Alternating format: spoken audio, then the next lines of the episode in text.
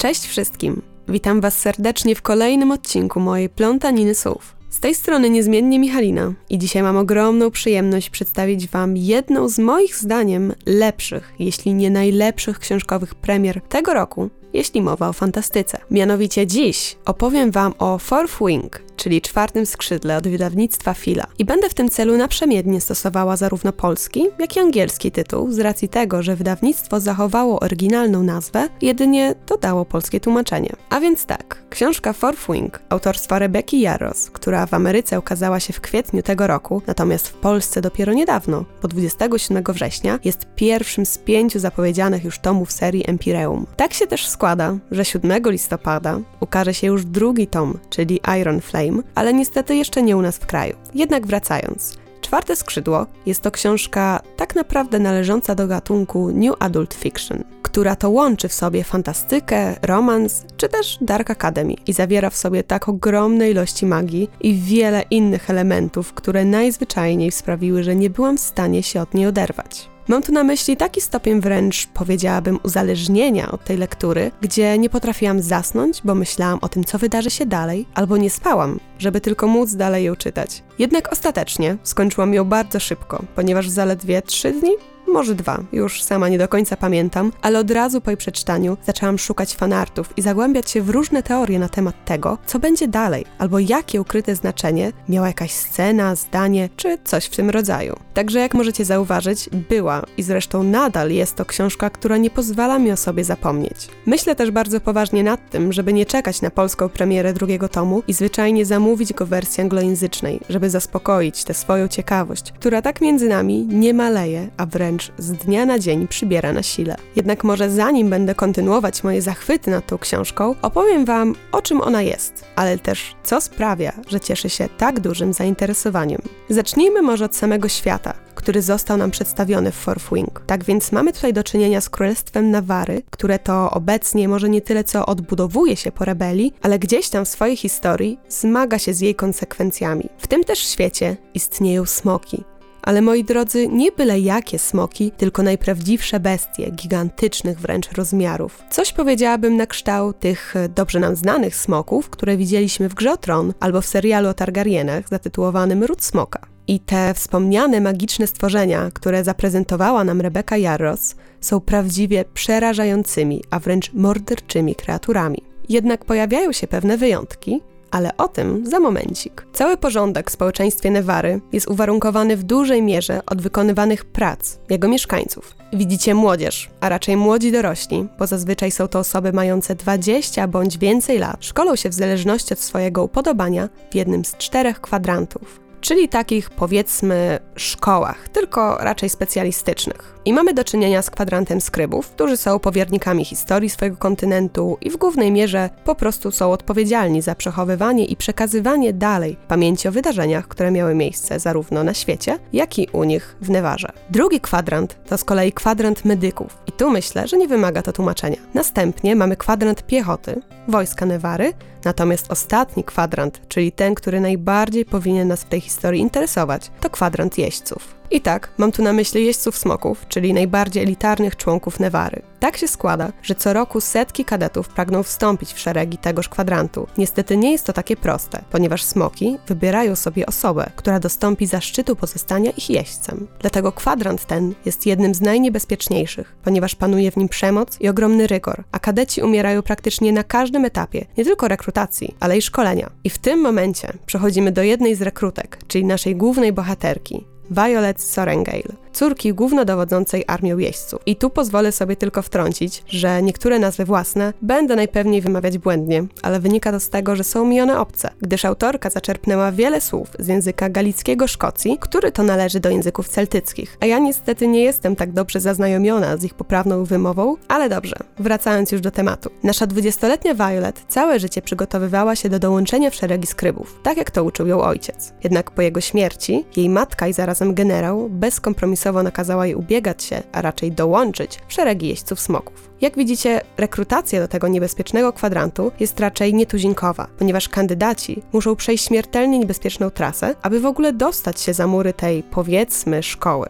Jednakże po drodze znaczna część ubiegających się o miejsce w tym kwadrancie umiera. Ogólnie bardzo znaczna część zajęć, które odbywają się na terenie kwadrantu jeźdźców, jest raczej, jakby to delikatnie ująć, zagrażająca życiu i zdrowiu. Dlatego bardzo nieliczna grupa dostępuje zaszczytu konfrontacji ze smokami, aby w ogóle móc stać się takim prawdziwym jeźdźcem. Jednak wszyscy doskonale zdają sobie sprawę z tego, jak wielkie jest ryzyko związane z ubieganiem się o miejsce w szeregach jeźdźców i znaczna część rekrutów trenuje do tego już od dziecka. Dlatego Violet od samego początku jest na lekko straconej pozycji z racji swojego niezbyt dobrego przygotowania. Niestety została przedstawiona przed faktem dokonanym i nie ma wyboru. Nie może przecież zawieść swojej matki i rodzinnej tradycji. Ostatecznie oprócz tego, że głównodowodząca jest jej matką, to również brat był jednym z najznakomitszych jeźdźców do momentu aż poległ w bitwie, a jej starsza siostra, a jej starsza siostra jest uznawana za jednego z najlepszych strategów wśród jeźdźców. Więc jak możecie zauważyć, najmłodsza członkini rodziny Sorengale stoi przed nie lada wyzwaniem.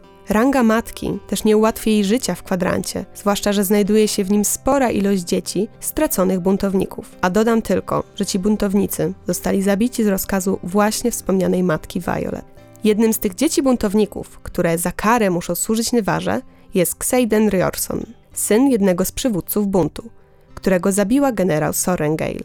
Dlatego pomijając fakt, że jak wspomniałam, już rekrutacja do kwadrantu jeźdźców jest niebezpieczna sama w sobie oraz, że z roku na rok coraz to mniej smoków wykazuje chęć znalezienia jeźdźca, przez co wiele kadetów zabija się nawzajem, to na domiar złego niejaki Xaden również stanowi dla Violet kolejne zagrożenie. Nie chcę wam za dużo zdradzać, dlatego powiem tylko, że cała historia mniej więcej kręci się wokół szkolenia Violet na jeźdźca, a raczej wokół przetrwania Violet na smoczym grzbiecie oraz w tymże kwadrancie. Ale oprócz tego dostajemy dużo informacji dotyczących dotyczących historii tego magicznego kontynentu oraz tego, co aktualnie się w nim dzieje. To, co dodatkowo urozmaica fabułę, to całkiem intensywny romans, ale ten z gatunku From Enemies to Lovers, czyli emocje mamy tu gwarantowane. Co więcej mogę Wam jeszcze powiedzieć o tej książce, to to, że autorka ma niesamowity dar opowiadania i takiego spisywania historii, ponieważ oprócz wytworzonego świata i postaci zbudowała i w pewien sposób utrwaliła nawet fragmenty kodeksów czy praw Newary. W miarę czytania zauważyłam również, że Rebeka Jarros zwyczajnie umie pisać, a polskie tłumaczenie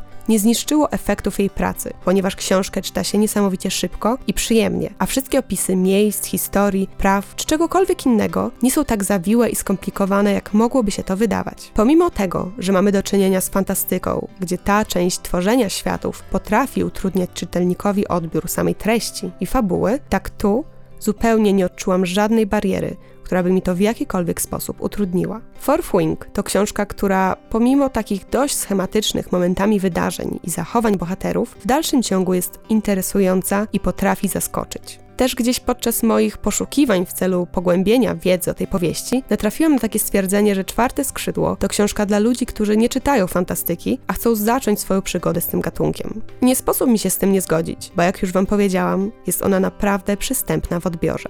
Co do samej szaty graficznej, to faktycznie wydawnictwo Filia podołało zadaniu, ponieważ wydali książkę w grubej okładce z barwionymi na czarno brzegami, na których to widnieją białe smoki. Więc dla miłośników pięknych wydań i okładkowych srok ta pozycja jest moim zdaniem obowiązkowa.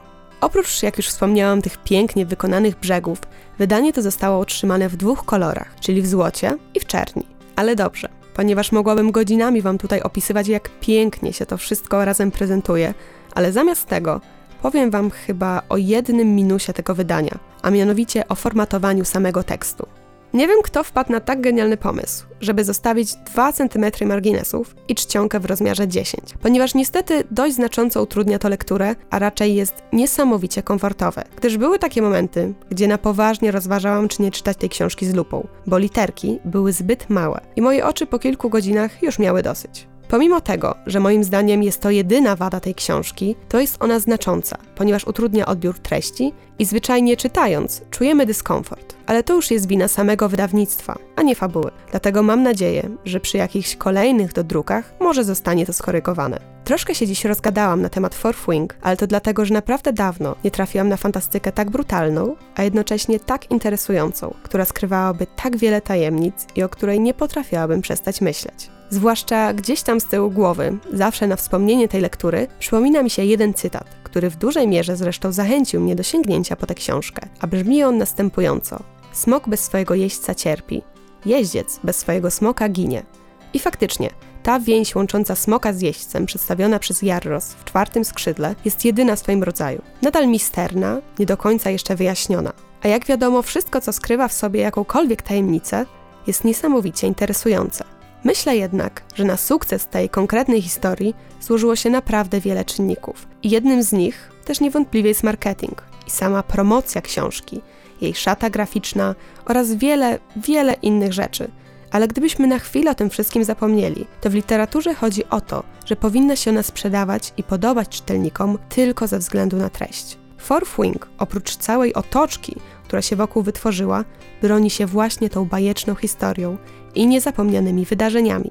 Jednak jak będzie w kolejnych tomach? Czy nadal autorka utrzyma ten poziom? To niestety okaże się dopiero w ciągu najbliższych lat. I tak naprawdę dopiero mając wszystkie pięć tomów, będziemy mogli rzetelnie stwierdzić, czy ta seria rzeczywiście zasługuje na wyróżnienie. A póki co nie pozostaje nam nic innego, jak dalej poszukiwać nowych, fantastycznych powieści, w nadziei, że natrafimy na coś, co całkowicie nas pochłonie. Na dziś z mojej strony to byłoby wszystko w temacie czwartego skrzydła. Dziękuję Wam za wysłuchanie audycji i życzę wszystkim zaczytanego tygodnia. Do usłyszenia już wkrótce w kolejnym odcinku mojej plątaniny słów.